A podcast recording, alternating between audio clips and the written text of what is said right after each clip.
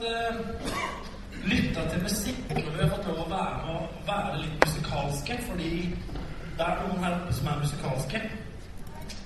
Uh, jeg lurer på hva som hadde skjedd. For vi har jo alle instrumentene her. Vi har piano, vi har trommer, bass, vi har gitar, vi har sangmikrofoner. Hva hadde skjedd uh, hvis f.eks. jeg hadde tatt piano, Frode hadde tatt uh, tromme Min far her hadde tatt mikrofonen og skulle synge. Og ja, vi kunne liksom samla et annet band her oppe. Det hadde vært de samme instrumentene. Det hadde vært de samme mulighetene. Men vi hadde neppe kalt det musikk. Det hadde vi sannsynligvis ikke. Ja, kanskje sang. Det er litt mer sånn uh, fritt, på en måte. Men eh, hva er det som gjør at det blir musikk? Det som gjør at det blir musikk, er at det er takt. Det er at det er riktige pauser. Det er riktige toner som blir spilt samtidig. Og så blir det musikk av det.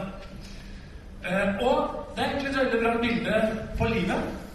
For at livet også består på mange måter av mange sånne strenger, sånne tangenter, som vi skal spille på. Uh, vi er liksom, Som mennesker så har, har vi fått liksom et område å bevege oss på som handler om det menneskelige livet. Det er noen evner vi har fått, det er noen ting vi skal leve i forhold til her i vår tilværelse. Og så er det enkelte ting vi ikke har fått, som er utafor det å være menneske. Eksempel så sier jeg aldri at du er trauma. Tenker jeg ikke på SAS eller Norwegian. Men jeg skal f.eks. ikke ut og fly en tur utover Tjømelandet i ettermiddag. Jeg er et menneske. Jeg kan ikke fly. Jeg har ikke de mulighetene. Det er mulig at uh, fuglene hjemme i hagen min de sier de tar en liten tur nå, så tar vi en tur utover, og så ser vi på Tjømelandet, også ser ut til det fine været. De har de mulighetene. Men som sammenligna det menneskelige livet med, med et uh, piano og så hadde, Jeg vet ikke om, det, jeg husker riktig, men jeg tror han sa det er 82 tangenter på et piano. Og 88 er det vel noen 80. 88 tangenter er det på det pianoet her. Og tenk at Mozart han kunne ha satt seg med det pianoet, og han fikk noe fantastisk ut av disse 88 tangentene. Det er 88 strenger, egentlig. Ut av de 88 strengene så får han fantastisk musikk. Ved å slå på tangentene, ved å lage musikk. Eh, mens jeg kan jo slå på de samme 88 tangentene, og det kalles ikke musikk. Hører du det? Det er helt dødt. Skulle sikkert vært lyd her på en eller annen måte. Men det kalles jo ikke musikk. Jeg får heller ikke noe lyd, så de spanderer ikke det på meg. Men det, det, det, kalles ikke musikk fordi at eh, jeg får ikke disse her strengene til å spille sammen på riktig måte. Det er også sånn at vi kan ikke gå utafor pianoet. Vi kan ikke vi kan ikke få spilt nedpå her. Vi kan ikke spille på agenter som ikke er der. Og vi kan heller ikke spille lenger opp. Og det syns jeg egentlig er et ganske artig bilde, fordi at uh, jeg tror det er sånn at noe av det Gud vil vise oss og lære oss, det er hvordan vi skal spille på de ulike tangentene som vi har i livet vårt. Sånn at det blir harmonier av det, sånn at det blir musikk. Sånn at det, det er en, en, sang i hjertet ditt når du lever, og ikke bare masse bråk med strenger som krasjer i hverandre osv. Så, så kan vi spille ulik takt. Noen spiller noen lever i valsetakt. Og noen lever i sånn tre fjerdedels-takt, er det ikke det? Noen lever i sånn rock'n'roll-takt, i fire fjerdedels-takt. Og noen syns livet er helt ålreit. Det er fem fjerdedels-takt. Noen ganger er det ålreit. Det er ikke så mange sanger som har fem fjerdedels-takt, men den sangen har fem fjerdedels-takt. Og da er spørsmålet spiller det i hjertet ditt. Det står noe i Bibelen om at vi skal få en ny sang i hjertet vårt. At vårt hjerte skal spille, det skal være livlig, det skal være en melodi på innsida. Eller er det egentlig bare masse strenger som lager bråk? Hvis vi har fått spille på. Det som vi har kommet til nå, er kapittel 12 i Romerbrevet. Paulus har snakka eh, masse teologi, egentlig, i de første kapitlene, som handler om synd, som handler om rettferdighet, som handler om nåde, som handler om hva Gud har gjort som handler om lov i forhold til nåde osv. osv. Og dere som har vært med på den reisa, dere har vært med nå mange søndager, og vi blir jo ferdig på våren her. Eh, og vi har kommet til kapittel 12. Og når vi kommer til kapittel 12 i Rombrevet, så begynner Paulus å snakke om det Fordi kristenlivet handler jo ikke om å ha en tro bare. Det handler ikke bare om å ha verdier, det handler ikke om å ha en teologi bare. Det handler om at det skal bli praksis det handler om at livet skal leves. Det greske ordet 'praksis' betyr det er en prosess eller en teori, en leksjon eller en dyktighet, den blir vedtatt, den blir praktisert, den blir kroppsliggjort, den blir levd ut. Og Derfor er det viktig at det kristne livet vårt det handler til syvende og sist om praksis. Om musikk som kommer ut, hvis du skjønner bildet. Eh, og det Paulus gjør eh, i disse kapitlene som kommer, og begynner her, det er å tegne et fantastisk mangfoldig bilde av menigheten og det livet som kan utfolde seg i det fellesskapet. Eh, og det handler om valg, det handler om selvinnsikt, det handler om nåde, det handler om gaver og talenter, og det handler om et mangfold som kommer til uttrykk. Det handler om, kjære venner, at vi til sammen, som Kristi kropp, som kristne, i det store og det hele, men også vi som lokal forsamling, gjennom å spille riktig på strengene våre, kan lage fantastisk musikk. Du skjønner at jeg snakker i bildet. Fint. Vi skal begynne i Romerne 12,1, og han er veldig praktisk. Han begynner dette kapitlet og denne delen av brevet med å si som følger Derfor formaner jeg dere ved Guds barmhjertighet, søsken, bær kroppen fram som et levende og hellig offer til glede for Gud. Det skal være deres åndelige gudstjeneste. Bær kroppen fram som et levende og hellig offer for Gud. Hva mener han med det? Jo, det er egentlig veldig praktisk. Altså, gi dine hender, gi dine føtter, gi dine øyne, gi dine ører. Gi det du kan gjøre med kroppen din. Gi det til Gud. Kom til Gud med kroppen din. Ofte sier de det er veldig viktig å bringe hjertet sitt for Gud og komme med hele hjertet sitt for Gud. Og det er selvfølgelig viktig. Men Gud vil at det som er i hjertet vårt, skal ut i praksis. ikke sant? Derfor så må vi ta med kroppen også. Og han sier faktisk at det skal være deres åndelige gudstjeneste. Ofte så kan vi kanskje tenke at det å tjene Gud, det kan jeg det kan jeg gjøre på en litt sånn åndelig måte hjemme. Jeg kan selvfølgelig, jeg er ikke noe feil med det. men Jeg kan be, og jeg kan lese min bibel, og jeg liksom kan leve mitt liv og håpe at det skjer ting. Men Paulus er veldig klar. Bare fra kroppen din. Ta med kroppen din til Gud og si hva kan jeg gjøre i praksis for å uttrykke ditt rike? Eh, jeg skal ta tre punkter ifra det kapitlet her. Mer vi kunne snakka om, men det er tre tydelige punkter. Det ene jeg skal snakke litt om, er annerledeshet. Men hva slags? Det andre jeg skal snakke litt om, det er selvinsekt. Og det tredje vi skal snakke litt om ut fra kapitlet, det er å overvinne det onde med det gode. Eh, åndelighet, det å leve kristenlivet, hvordan skal det leves? Det er et spørsmål som har opptatt Kirken til alle tider. Selvfølgelig. Eh, og Derfor skal vi se litt på det andre verset i dette kapitlet, hvor det står Dette har vi kanskje snakka før om. Innrett dere ikke etter den nåværende verden, men la dere forvandle ved at sinnet fornyes, så dere kan dømme om hva som er Guds vilje, det gode, det som er til glede for Gud, det fullkomne. Her står det flere ting. Men jeg har lyst til å ta litt tak i det første han sier her. Innrett dere ikke etter den nåværende verden, eller som det står før, sikt dere ikke lik denne verden. Hva er det det ligger i dette her? Hva er det Paulus mener for noen ting? Og jeg tror det er viktig når vi leser her, at vi, kommer, at vi må se at det som skrives i dette kapitlet, står i sammenheng med det som han har snakka om før. Eh, men det er en annerledeshet han snakker om. Han sa 'vær annerledes enn verden'. Eh, og det har vi sikkert litt forskjellige bilder av. Det handler ikke om å være rar. Jeg tenker at eh, det å være original, det er veldig bra hvis du er det. Jeg syns det er fint det med folk som er originale fordi at de er originale. Men det er veldig slitsomt med folk som ikke egentlig er så veldig originale, som prøver å være originale. Har du borti det noen gang? Det blir nesten litt sånn pinlig. Det er liksom, det mangler litt integritet på en måte. Eh, det er noen som er annerledes, og de må få lov å være annerledes. Og så er det noen som bare er så veldig vanlige, egentlig. At hvis de prøver å være annerledes, så blir det veldig rart. Eh, Paulus han skriver når han åpner romerbrevet i kapittel 1 vers 16, så sier han noe om evangeliet som jeg har tenkt ganske mye på i, i siste tiden. Han sier nemlig 'Jeg skammer meg ikke over evangeliet', for det er en Guds kraft til frelse for hver den som tror. Jeg skammer meg ikke. Og jeg tenker på hvorfor måtte Paulus på en måte presisere at han ikke skamma seg over evangeliet? Og jeg tenker litt på hvor Paulus kommer ifra. Paulus han var oppvokst i den jødiske tradisjonen. Han var fariseer, han var av den rette familien og den rette avstamningen. Han skriver om seg sjøl at han var nidkjær for loven. Han skriver om seg sjøl at han levde mer brennende enn alle andre, og at han var nærmest fullkommen etter loven. Paulus hadde altså vært en streng jøde. En streng jødisk trosutøvelse. En trosutøvelse som han var veldig opptatt av at alle andre skulle ha også. Så en del av Paulus store prosjekt det skjønner vi gjennom Apostlenes gjerninger, var jo det at han var ute etter å slå ned på alle som ville uttrykke tro annerledes, og da spesielt de kristne. Og spesielt denne Messias han ikke trodde hadde kommet, som var Jesus. Paulus er en sånn der religionsimperialist, går det an å si det? Du vet hva imperialisme er? Det var noen britene, ikke sant? De overtok India, og de overtok eh, halve verden omtrent, ikke sant? Og de innførte sin britiske kultur i alle de landene der, og ønsket at alle skulle oppføre seg britisk osv. Det eneste de har igjen i dag, er jernbanen rundt omkring, og den er jo kjekk å ha.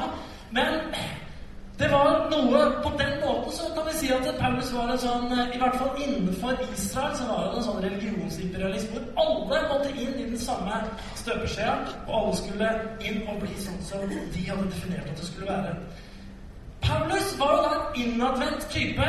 Han var opptatt av å bevare ting innenfor jødedommen. Han var opptatt av å bevare ting innenfor Israel osv. Derfor var han så rasende på de kristne. Så trua om å ødelegge det det, den, den, tro og den religionsutøvelsen de hadde. Og så møter han Jesus. Skal vi ikke ta alle tall i historien, men det skjer noe fantastisk. Jeg skjønner at Jesus er Messias. Og han får tak i hvem Jesus er, og han er til og med himmelens engang. Og alle grenser sprenges hos Paulus. Paulus blir går fra å være en sånn innadretta, proteksjonistisk type til å bli en kjempeutadretta type som drar til alle folkeslag der omkring og forkynner evangeliet. Det skjer jo en revolusjon med Paulus, ikke sant? Og så sier han at det som jeg kommer med til dere nå, kjære Henning Han skriver til, til romerne, den store verdensmetropolen, hvor det var alle mulige folkeslag inne, og hvor kirken besto av alle mulige folkeslag, fra italienere til eh, folk fra Grekenland, fra Hellas, fra jøder osv. Der var alle mulige folkeslag inne. Og så sier han jeg kommer til dere med et budskap som jeg ikke skammer meg over. Dette her kan jeg snakke med frimodighet om. Og det gjorde den utrolig utadvendt. Og vet du hva, det budskapet var så Det var så, det var så fint og sterkt at han følte han kunne ta det ut til alle folkeslag som var rundt omkring. Og det var et budskap som gikk hjem. Evangeliet. Vet du, Det er så, det er så sammenlignbart. for at når Kirken, når menigheter blir innadretta selvbevarende, livredd for forandring etc., etc., så blir så dårlig. Den blir så elendig, den fungerer så dårlig. Når den blir utadretta og, og kommer med evangeliet, da blir den veldig, veldig bra. Um, jeg har lurt på noe. Er det noen ting som du tenker på en måte har vært sånn som kanskje du har skamma deg litt over? I forhold til tro? Kanskje? Ta Paulus. Møtet med Jesus, evangeliet, fjerner alle sånne religiøse uvesentligheter. Han skriver om skikker i forhold til mat, drikke, klesdrakter, helligdager. Det falt liksom bort. Plutselig så var det plass til alle mulige mennesker innenfor det som er nådens evangelium. Annerledeshet. Hva slags annerledeshet er det Paulus snakker om? Ikke skikk dere lik denne verden. Jeg tror vi har hatt en del annerledeshet som vi kanskje skammer oss litt over. På en måte. Jeg husker eh, Mommo. Min mormor, altså. Man skulle ha, man skulle ha langt hår på den tida hvis man var en god kristen. Det er ikke så lett å ha langt hår når du blir gammel alltid, selv om du er kvinne òg. Det kan bli tynt. Man skulle gjerne ha det. Derfor var det noe som de kalte før en pinserull. Vet ikke, men du, du vet hva det er engang? Kanskje ikke. Men det var jo sånn da, at nå er det kanskje noen gamle pinsevenner her som ler litt. ikke sant? Fordi at eh, siden man skulle ha langt hår, så hadde man gjerne da rulla opp hår i nakken, så du hadde en sånn en, eh, hårball bak her. ikke sant? Enten hadde du lyst til det, så hadde du bak den det kalte på pinserull på damene. Min mormor hadde sikkert blitt litt tynn i håret og hadde jo ikke dette lange, flotte håret lenger, men hun hadde tatt vare på hår. Så hun hadde en sånn rull som hun satte på bak her, husker jeg. Det var fin å ha når du gikk på møte, kanskje. Vi hadde jo ikke kortstokk da jeg var liten. Det, det sømma seg rett og slett ikke. Jeg skjønner hele greia med at det er ikke bra at folk blir fanga i poker og sitter og spiller bort hår og grunn osv., osv. Men det gikk heller ikke an å spille vri åtter eller legge kabal. Og det er klart at det kunne være en sånn liten ting som man kanskje egentlig syntes var litt rart. Som man kanskje egentlig skamma seg litt over. Hvis noen venner eller kamerater kom og sa 'Har dere ikke kortstokk?' Nei, du skjønner, vi er kristne, så vi har jo ikke det. Nei, så det er det som er å være kristen, altså. Det er jo ikke ha kortstokk. Da vet vi det. Det har vært mange instrumenter som har vært forbudt også opp igjennom. Trommer, fiolin, trekkspill, saksofon. Ja, jeg skjønner greia med at jeg syns det var mye dans på lokalet med fyll og festing og dansing og slåssing og skilsmisser og utroskap, det ene og det andre. Men det var kanskje ikke instrumentet i seg sjøl det var noe problem med. Det fantes de som måtte fronte det. Det var kanskje ikke noe man var så stolt av, egentlig, når det kom til stykket.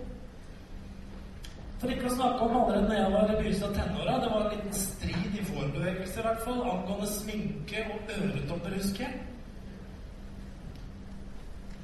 Og det er klart for de unge jentene som hadde begynt å bruke øredobber og en lett eyeliner og øyeskygge, så var det kanskje ikke så lett å komme på skolen og si at uh, skal du være kristen, så må du i hvert fall Det er det første du gjøre, det er å ta av deg øredobbene.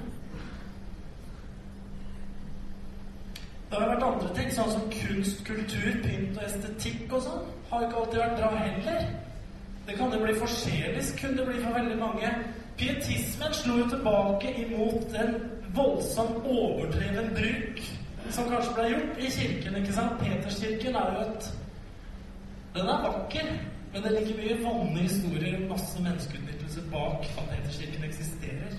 Pietismen tok på en måte et oppgjør med og dette trenger vi ikke. Vi trenger ikke katedraler og glassmalerier og alt det her. Vi tar heller på lerretet, ikke sant? Det er mye billigere. Nei, altså vi trenger på en måte ikke det. For å kunne være sammen med Gud, så vi stripper alt. Bort med gardinene. Bort med glassmaleriene. Bort, bort med estetikken. Bort med kunstnerne. Det har vært kunstnerfiendtlig i en del kristen sammenheng opp gjennom kulturfiendtlig generelt. Det er kanskje ikke sånn at det var så veldig stas for alle som var interessert i sånt, og som drev med kunst og sånn, og sier skal du bli kristen, så må du ta med maleriene fra veggen din. Ja, mener du det her, da? Det er ikke så lenge siden. Poenget er at noen ganger så tror jeg vi kan ha fått med oss noe i en religiøs kultur som bare egentlig har skapt en viss type skam. Som egentlig har vært vanskelig å stå for. Som egentlig ikke man ønska å trykke ned hverandre, for det hadde ikke noe med evangeliet å gjøre. Det kan også være andre ting som ble veldig viktig for oss. Ulike uttrykksformer, profetier og tungetale. Jeg husker som kan være litt rart. Paulus skriver om det at når dere kommer sammen, så er det ikke sånn at det skal være helt vilt med folk som taler i tunger og det ene og andre. Folk er veldig nysgjerrige på det. Når jeg har vært på skoler og sånn, så er det en av de tingene som folk har, ungdom har spurt mest om, det er det med tungetale. Jeg sier ja, jeg snakker i tunger. Kan du gjøre det nå? Ja, jeg kan det. Og vær så snill. Ah, føler ikke for å ta sånn show på det nå. Men liksom, de er interessert i det. Men de syns kanskje det hadde vært rart. Hvis de kom inn på en gudstjeneste, og du satt bak dem og talte høyt i tunger og stønna lett hele møtet hadde ikke nødvendigvis vært så veldig stolt av det. Ja, men er ikke det veldig viktig å være fri på det, da? Jo, kanskje. Men til enkelte steder er det ting du gjør enkelte steder, for å si det sånn. Det er enkelte uttrykk for intim omgang som vi kan ha med Gud, som vi kan ha i lønnkammeret vårt, f.eks. Akkurat sånn Jo, men vi må være fri, vi må kunne gjøre alt overalt. Nei, men det er ikke sånn, skjønner du. I hvert fall er det ikke sånn i mitt ekteskap. Det er enkelte ting jeg ikke gjør her. Hvis du skjønner hva jeg mener? Det er jo noen ting som hører til den private sfæren, ikke sant? Ja, vi har fått barn, så vi har gjort det. Hvis du gjør det på feil sted, så putter, folk deg i fengsel hvis du er gal. Gjør det på riktig sted, så sier folk det er veldig bra, så det er så sunt for ekteskapet. Dette må dere bare fortsette med. Det har noe med hvor og når man gjør ting enkelte ganger. Når vi er veldig intime. Skjønner du hva jeg mener? Nei.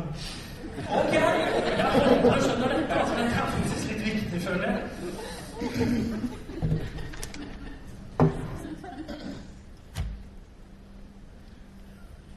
Det er klart det var litt vanskelig å forklare. Det en som fortalte var en dame som hadde tungetall som alltid var veranda, veranda, veranda. Det var, det var, det mente han ble så lei deg, så han reiste seg opp sånn Du skal bygge veranda, sier jeg.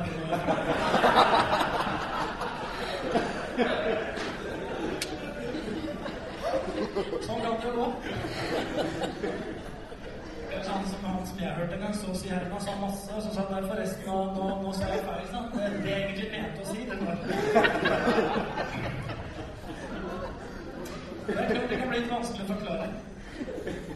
Hva slags annerledeshet Hva slags annerledeshet er det Paulus snakker om? Er det sånn type rar annerledeshet? Eller er det en annerledeshet som handler om noe helt annet enn mange av de tingene som vi ofte har syntes er viktigere å være annerledes på? Jeg syns f.eks. det blir en rar annerledeshet som det har vært enkelte steder når folk ramler i gulvet, og de roper og de stønner og de taler i tunge. Så kommer de og på mikrofonen. Det er viktig å være fri dere og være annerledes. Ja, jeg skulle ha med naboen min inn der. Vet du hva, det hadde vært så vanskelig å forklare. Jeg skammer meg ikke over evangeliet, sier Paulus. Det skammer jeg meg ikke over. Det kan jeg med frimodighet snakke om til alle mennesker, fordi folk forstår hva jeg snakker om når jeg får lagt det fram. Til og med folk som er sterke motstandere av evangeliet, de var på nippet til å komme til troen, og Paulus begynte å snakke om det. Annerledesheten handler om å være en motpol til verden. På hvilken måte? Eh, verdens ånd. Eh, jeg synes at eh, Hvor mange er det som har sett The Wall Street-filmen The Wall Street fra 1987 med Gordon Gekko og Michael Douglas? Husker dere? må dere se, det en klassiker. Eh, en av talene fra filmen hans er på en måte litt sånn legendarisk. Eh, han, han, han kom jo med noe nytt, for dette er midt i jappetida, ikke sant? Og han Det har vært en viss sånn eh, forsiktighet, en viss eh, blygsel, da, ikke? På det med å være så veldig profittorientert og pengeorientert, ikke sant? Men, men denne filmen forteller noe om temperaturen den gangen, og tok pulsen på det. Hvordan man liksom bare skamløst grabba til seg av penger osv. Og, så og denne filmen, The Wall Street fra 1987 med Michael Douglas, eh, den, den er veldig kjent, for det er. Den satte liksom uh, fortalte om temperaturen den gangen. Uh, og han holder en tale til en generalforsamling i et stort uh, corporation som eier masse aviser. Teldar Papers. De går underskudd. Uh, og Gekko han har løsningen, og en del av talen er kjent, og jeg har oversatt den til norsk. Han sier sånn her om løsningen på å komme videre her i verden. Poenget er, mine damer og herrer, at grådighet, i mangel av et bedre ord, er bra. Grådighet er riktig. Grådighet fungerer. Grådighet klargjør. Grådighet skjærer igjennom og fanger essensen av den evolusjonære ånd. Grådighet i alle dess former. Grådighet etter livet, grådighet etter penger, etter kjærlighet. Kunnskap og grådighet har vist veien for opp en oppadgående bølge for menneskeheten. Det var Gordon Gekko. For dere som har sett filmen, så husker en Greed. Greed is good. Husker man ikke. Men det på en måte er noe det vi kan si virkelig kjennetegner verden som denne egoistiske grådigheten, dette begjæret hvor som sier 'jeg vil ha', 'jeg skal eie', 'jeg vil ha mer'. Og det kan aldri bli nok. Hva er det den bibelske annerledesheten handler om? Jeg tror den handler om det som står i Galaterbrevet 5.22-25. Og der står det som følger Men åndens frukt er kjærlighet, glede, fred, overbærenhet, vennlighet, godhet, trofasthet, ydmykhet og selvbeherskelse. Slike ting rammes ikke av loven. De som gjør slik, tørrer Kristus trettiårsfest, kjøttet med dets lidenskaper og begjær. Lever ditt liv i Ånden, så la oss også vandre i Ånden. La oss ikke være drevet av tom ærgjerrighet, så vi utfordrer og misunner hverandre. Det ble snakka sånn om de første kristne ved Jerusalem. Se hvor høyt de elsker hverandre! Og vet du hva? Den annerledesheten her, den er både uforståelig og forståelig. Jeg tror mor Teresa bar med seg noe av den annerledes, annerledesheten her når hun hjalp barna som levde i slummen i Calcutta. Det var uforståelig for oss holdt som bor her, for mange her, å skjønne hvordan kan man gi sitt liv på den måten der? Hvordan kan man leve på den måten der? Samtidig så forstår man det fryktelig godt hva hun holder på med. Det er et veldig forståelig uttrykk for Guds vesen og Guds kjærlighet. Hun stilte, kom med kroppen sin og sa til Gud 'Jeg er villig til å gå inn i slummen'. Jeg er villig til å gå inn i de fattigste områdene og hjelpe barn, hjelpe de som lider, osv., osv. Frelsesarmeen, William Booth, som grunnla Det var forståelig. Det var en by i London med enorme problemer av fattigdom, prostitusjon, Eh, det var visst helt voldsomt hvor mye det var av det i London på den tida her. Og de går inn og de begynner å hjelpe mennesker. De forkynner evangeliet, og de hjelper mennesker, og de gjør praktiske ting med livet sitt. Og det er veldig forståelig. Det er en annerledeshet som er forstått av de som er omkring, selv om de har problemer med å skjønne hvordan, hvordan har det seg at de på en måte får kraft til å gi livet sitt til noe som er så mye større enn dem sjøl. Den annerledesheten var det Jesus viste. Den annerledesheten var det de første kristne viste. Den annerledesheten har verden alltid respektert. Alltid. Selv om de ikke alltid har forstått det. Det neste er da Det må handle om hvilken selvinnsikt har vi i forhold til oss sjøl. Hva har vi fått? Paulus går videre i dette brevet, i dette kapittelet, og sier Ved den nåde jeg har fått, sier jeg til hver enkelt av dere, tenk ikke for store tanker om deg selv, men tenk sindig. Hver og en skal holde seg til det mål og tro som Gud har gitt ham. Vi har en kropp, men vi er mange lemmer, eller kroppsdeler, alle med ulike oppgaver. På samme måte er vi alle én kropp i Kristus men hver for oss er vi hverandres lemmer. Vi har forskjellige nådegaver, alt etter den nåde som Gud har gitt oss. Og så begynner han å remse opp noen nådegaver. Den som har profetisk gave, skal bruke den i samsvar med troen. Den som har en tjeneste, skal ta seg av sin tjeneste. Den som lærer, skal undervise. Og den som trøster, skal virkelig trøste. Den som gir av sitt eget, skal gjøre det uten baktanker. Og den som er satt til å lede, skal gjøre det med iver. Den som vil vise barmhjertighet, skal gjøre det med glede. Eh, jeg syns det her er en veldig fin passasje. For det forteller oss at Gud har gitt oss ulike nådegaver. Legg merke til det ordet er fantastisk. Det står både nåde og gave i det samme ordet. Nåde det betyr noe du har fått ufortjent, noe du ikke har liksom kara til deg. Det er noe du har fått. Eh, en gave det er på den samme måten. Det er noe du har fått. ikke sant? Så nådegave det er noe du har blitt skjenka av Gud. Det er noe du har fått i livet. Og du har en nådegave i livet ditt. Kan ikke du snu deg til sidemannen din og si 'Jeg har en nådegave'? Må jeg si det, da? Så dumt å si sånn. Jeg syns det er fint, det. Det er fint å si ting noen ganger. Det er noe du har fått av en annen. Eh, poenget er at Gud vil at du skal bruke nådegaven din. Da blir jeg veldig fristende å si at vi skal si 'bruke'. Fordi at Gud vil vi skal bruke nådegavene våre på en riktig og en sunn måte. Eh, det jeg har lyst til å bare nevne her, det er de gavene som er nevnt her. Han nevner profetisk gave. Hva tenker med en gang? Ja, selvfølgelig, det er typisk Gud å gi, ikke sant? Tjeneste. Ja, det er typisk Gud i en annen tjeneste, ikke sant? Lærer, ja, bibellærer, som typisk Gud, ikke sant? Og så så kommer det andre nådegaver her.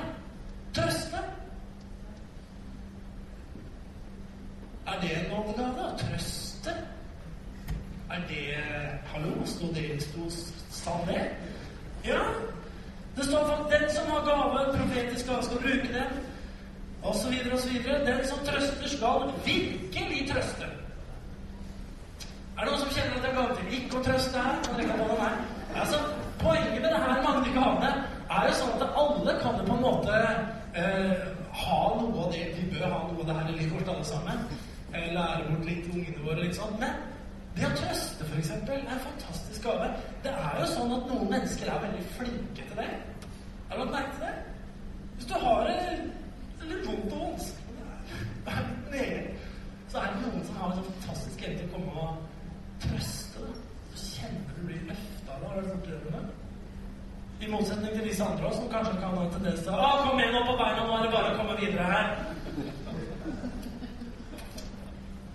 Det var ei som sa det til meg Men, Nei, at du er flink med teologi. Du er ikke så bra på noe mellommenneskelig, men det går bra, altså. Det er greit, det. Vi er forskjellige, vi har forskjellige gaver. Tenk på det hvis du har en gave til å trøste. Da skal du bruke den gaven. Det står f.eks. Eh, at uh, vise barmhjertighet er en nådegave. Ja, men det må jo alle gjøre. Ja, vi må jo gjøre det. Men det er noe med at noen kanskje har en spesiell gave på her. Å vise barmhjertighet. Å være barmhjertig. Det er noe som rører seg inni visse mennesker fortere enn visse andre. I forhold til å være barmhjertig og utøve den type tjeneste. Og så kommer den siste her, eller som er nevnt også. Eh, det står at eh, den som eh, gir av sitt eget Det betyr rett og slett penger og eiendeler og sånn. Han skal gjøre det med glede.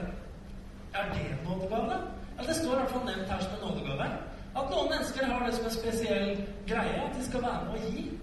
Ja, men alle må jo gi. Jeg er helt enig. Vi kan alle være med å gi. Alle bør være med å gi på forskjellige måter. Men noen har å gi av sitt eget som en gave. Jeg husker, eh, husker jeg var, eh, gikk på bibelskole og hørte at ja, nå fikk vi akkurat gitt Det er noen, en familie, som har gitt én million til menigheten akkurat nå. Jeg tenkte det har jeg ikke, har ikke hørt så mye om før. Og det er ikke sånn at vi kjenner at alle burde gi en million her nå inne året som kommer. Ha tro for meg og for en million fra deg det året her. Men noen har nådegaver som skal brukes. Ikke sant? Dette er et spennende bilde, syns jeg. Fordi at eh, vi må prøve å finne ut hva er det vi har fått for noen ting. Hva er det jeg er god på? Hva er det jeg har? Hva er det jeg kan bruke? Og så videre, og så videre.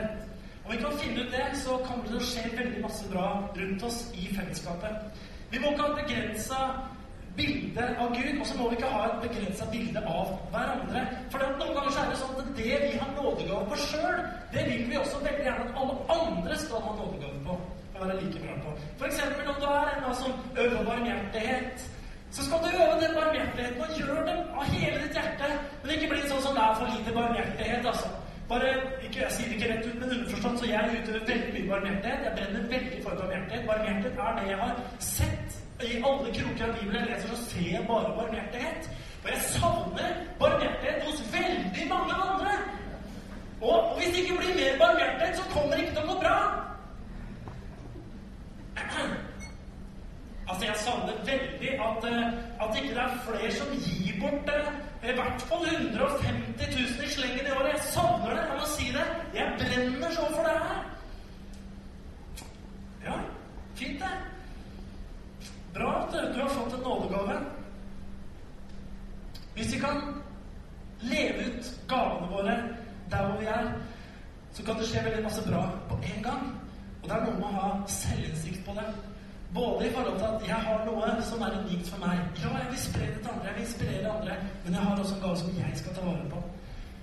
Er det noe med det å forholde seg sunt til ting også. Det er ikke alltid vi har alt. Det er ikke alltid vi kan alt, osv. Det kan vi som regel ikke. Jeg husker jeg hadde med en kar en gang. Jeg begynte jo å reise litt rundt i unge år ikke sant? og være predikant. Jeg hadde jo ungdomsmøter og sånn. Og så var det en som sa at hver gang jeg kom hjem, så spurte han åssen har det gått. Så sa jeg jo det har gått sånn og sånn. Og så sa han alltid bra, sa. Men vet du hva? Hvis du på det møtet hadde sagt det og det, hadde gjort det og det, og sånn og sånn i ettermøtet, da skulle du sett på møtet. Da, da det skjedd greier. Ja, ja, jo, det er jo det er liksom Ja, men det var bra. Ikke det jeg mente ikke var bra, men hadde du gjort det og det, da, da skulle du sett det hadde skjedd under og tegn og mirakler. altså. Ja, ja, ja. Der hørte jeg ganske lenge. Så sa jeg du kan jo bli med en tur. Jeg var ikke lei for å si det kan jo bli med en tur, så ja. Det kommer til å bli så sterkt. Det kommer til å bli så sterkt møte. Og vi dro på møte, og jeg hadde tale. Og det skulle bli da såkalt ettermøte, ikke sant. Og så eh, kjente han at nå er det min tur. Så han gikk opp og pekte ut en i salen og sa jeg kjenner at du har sånn og sånn i livet ditt. Og sånn, og vedkommende rista på huet sånn. Stemmer ikke det hele tatt. Ble litt usikker. Men gikk frimodig på videre. Jeg kjenner at du som sitter der, du opplever akkurat det og det nå. Og vedkommende rista på huet sånn. Stemmer ikke det hele tatt. Det ble tre-fire stykker. Og så ble det jo veldig pinlig etter hvert, da. Det endte med at møtelederen reiste seg opp og sa da tror jeg vi bare avslutter dette møtet her. Og så sier vi takk til det Magnar ga oss, og så glemmer vi det andre. Da hadde jeg fortvila kar i bilen på vei hjem. Så at dette gikk jo helt forferdelig. Ja, det gjorde det selv. Men jeg hørte ikke mer om hvordan vi burde møte i framtida. Selvinnsikt er kjekt. Det siste Paulus snakker om i det kapitlet her, det er eh, å overvinne det onde med det gode. Eh, jeg skal lese ifra vers 9. Jeg skal lese noen vers nedover. Et par av dem står her. La kjærligheten være oppriktig. Avsky det onde. Hold dere til det gode. Elsk hverandre inderlig som søsken. Sett de andre høyere enn dere selv. Vær ikke lunkne, men ivrige. Vær brennende i ånden. Tjen Herren. Vær glade i håpet. Tålmodig i motgangen. Utholdende i bønnen. Vær med og hjelp de helligspolitikere nød, og legg inn vind på gjestfrihet. Velsign dem som forfølger dere. Velsign og forbann ikke. Gled dere med de glade. Gråt med de som gråter. Hold sammen i enighet. Gjør dere ikke for høye tanker, men hold dere gjerne til det lave, og ikke vær selvkloke. Gjengjeld ikke ondt med ondt. Ha tanke for det som er godt for alle mennesker. Hold fred med alle, og det er om det er mulig, så langt det er opp til dere. Ta ikke hevn, mine kjære, men overlat vreden til Gud, for at du skrevet 'Hevn hører meg til', og jeg skal gjengjelde, sier Herren. Men er din fiende sulten, så gi ham mat. Er han tørst, så gi ham drikke.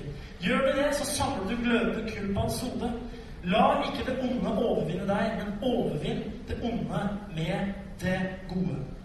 Det her ser på en måte ut som vevig overbærenhet, og det er det kanskje òg.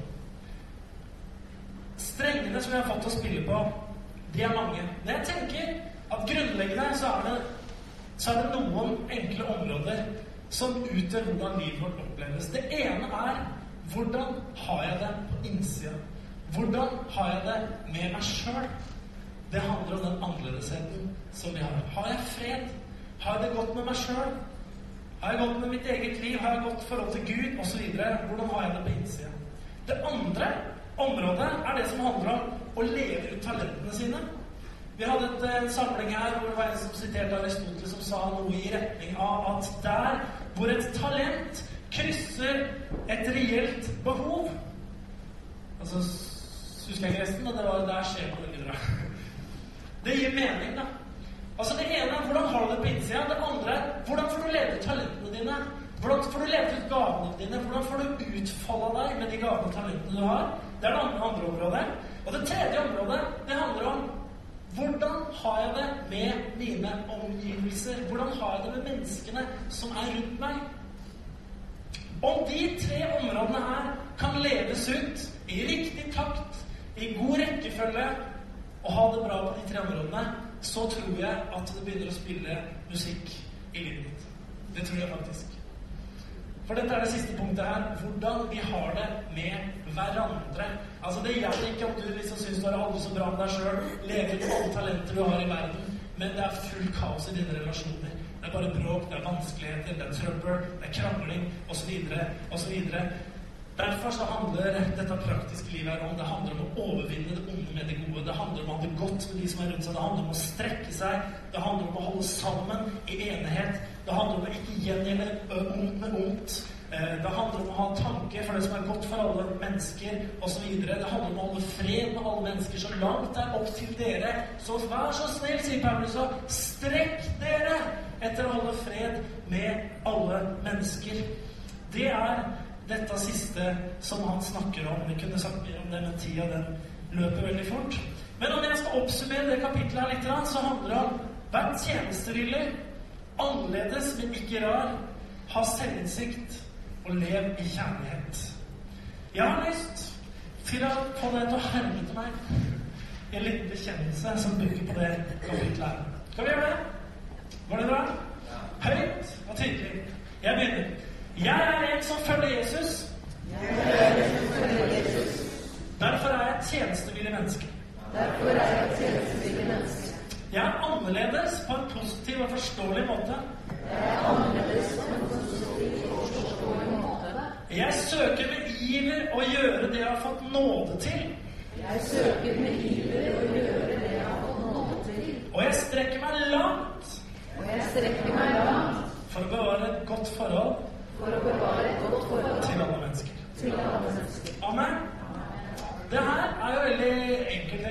men kanskje allikevel vanskelig. Eh, Paulus begynner eh, det andre verset med å si bli forvandlet ved at deres sinn. Dette ordet 'forvandlet' det er metamorfose.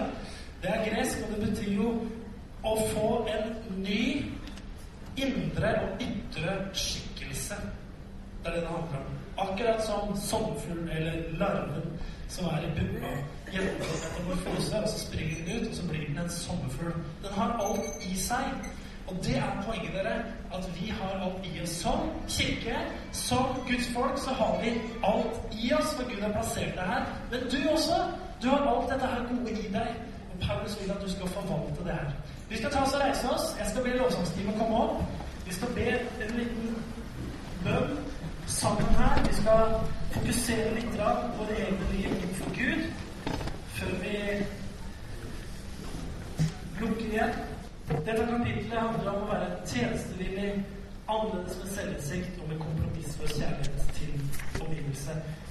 Nei, om vi er det, så bygger vi Guds og vi bygger våre egne liv. Amen. Du kan spille Fredrik. Herre, vi takker deg for eh, dette budskapet som eh, du har gitt oss gjennom Paulus en gang for veldig lenge siden. Takk at du eh, har gitt oss livet.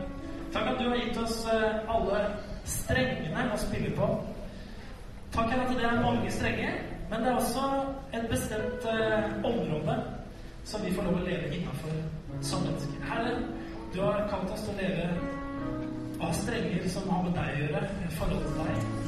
Herre, du har, eh, du har gitt oss strenger som har med våre talenter å gjøre, våre gaver, vår utrustning å gjøre. Og du har gitt oss strenger å spille på i forhold til alle de menneskene som er rundt oss, våre medmennesker. Jeg takker deg, Herre Jesus, for at du vil lære oss å spille akkorder, og ikke bare klampe i vei på alle disse strengene. Her er oss også å se harmonier innenfor de områdene vi har blitt tildelt, Herre. Takk for at alle de 88 tangentene, det er nok til å lage fantastisk musikk i våre liv. Jeg takker deg, Herre, for at uh, i formiddag så vil jeg at du uh, ved Den hellige ånd lyser litt på våre liv. Om det er strenger som skal hvile litt, som skal ha en liten pause, sånn at andre strenger kan bli hørt, så vil du vise mennesker det mens de står her akkurat nå. Herre, om det bare er ulyd og klamping i klaveret, så Herre, vis oss akkurat her vi står nå, om det er noe som skal bli stille i vårt liv. Eller om det er noen tangenter som vi skal begynne å som skal spille, som er stille lenge. Herre, det er noen dype toner i våre liv som ikke har vært brukt på lenge.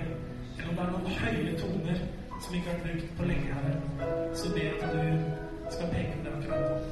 Jeg takker deg for det, Jesus. Takk at du vil at vi skal spille, og at melodien skal være i hjertet.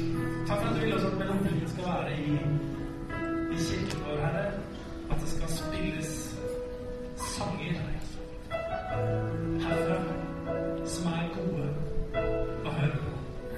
Herre. Så Jesus, vi kommer til deg med våre. Vi stiller kommer med vår, vår kropp, sånn som du har sagt, at vi skal komme med vår kropp, våre lepper, innenfor deg. Og så skal vi si at det er vår åndelige gudstjeneste. Det er at vi er villige til å la venstre bli brukt i riktig rekkefølge. I Jesu. Takk, Herre. Jeg, før dette møtet, så ble dette bildet så fint for meg. Med musikken. Og eh, da er det sånn at du kanskje er her i formiddag som eh, Det er ikke noe musikk i hjertet ditt. Det er ikke noe glede. Og da er det sånn at eh, det kan du gjøre noe med. Og det har sannsynligvis mellom disse tre områdene å. Med hvordan du har det sjøl på innsiden. Kanskje det går og bærer på ditt, som er veldig vanskelig for deg. Kanskje det er knuter på innsida. Og det må du få ordna opp i. Det kan du gjøre. Kanskje ikke aleine, kanskje du må snakke med noen. Kanskje du søker hjelp. Kanskje det er som har hva med dine talenter å gjøre? Hva med din utfoldelse av talenter å gjøre? Kanskje du holder på med feil greie? Kanskje ikke holder på med greier som Gud faktisk har lagt ned i livet ditt? Kanskje du skal jobbe med det? Dine talenter er en nøkkel til mye musikk. Kanskje det har med hvordan du har med menneskene rundt deg å gjøre. Det er ikke bra. Kanskje det er noe du skulle ha retta på og fått øye på. Holdninger, forhold. I Jesu navn. Skal vi bare ta med oss det? Gi det til Gud, og la Gud jobbe videre med det. Vi står, og så synger vi en lovsang til.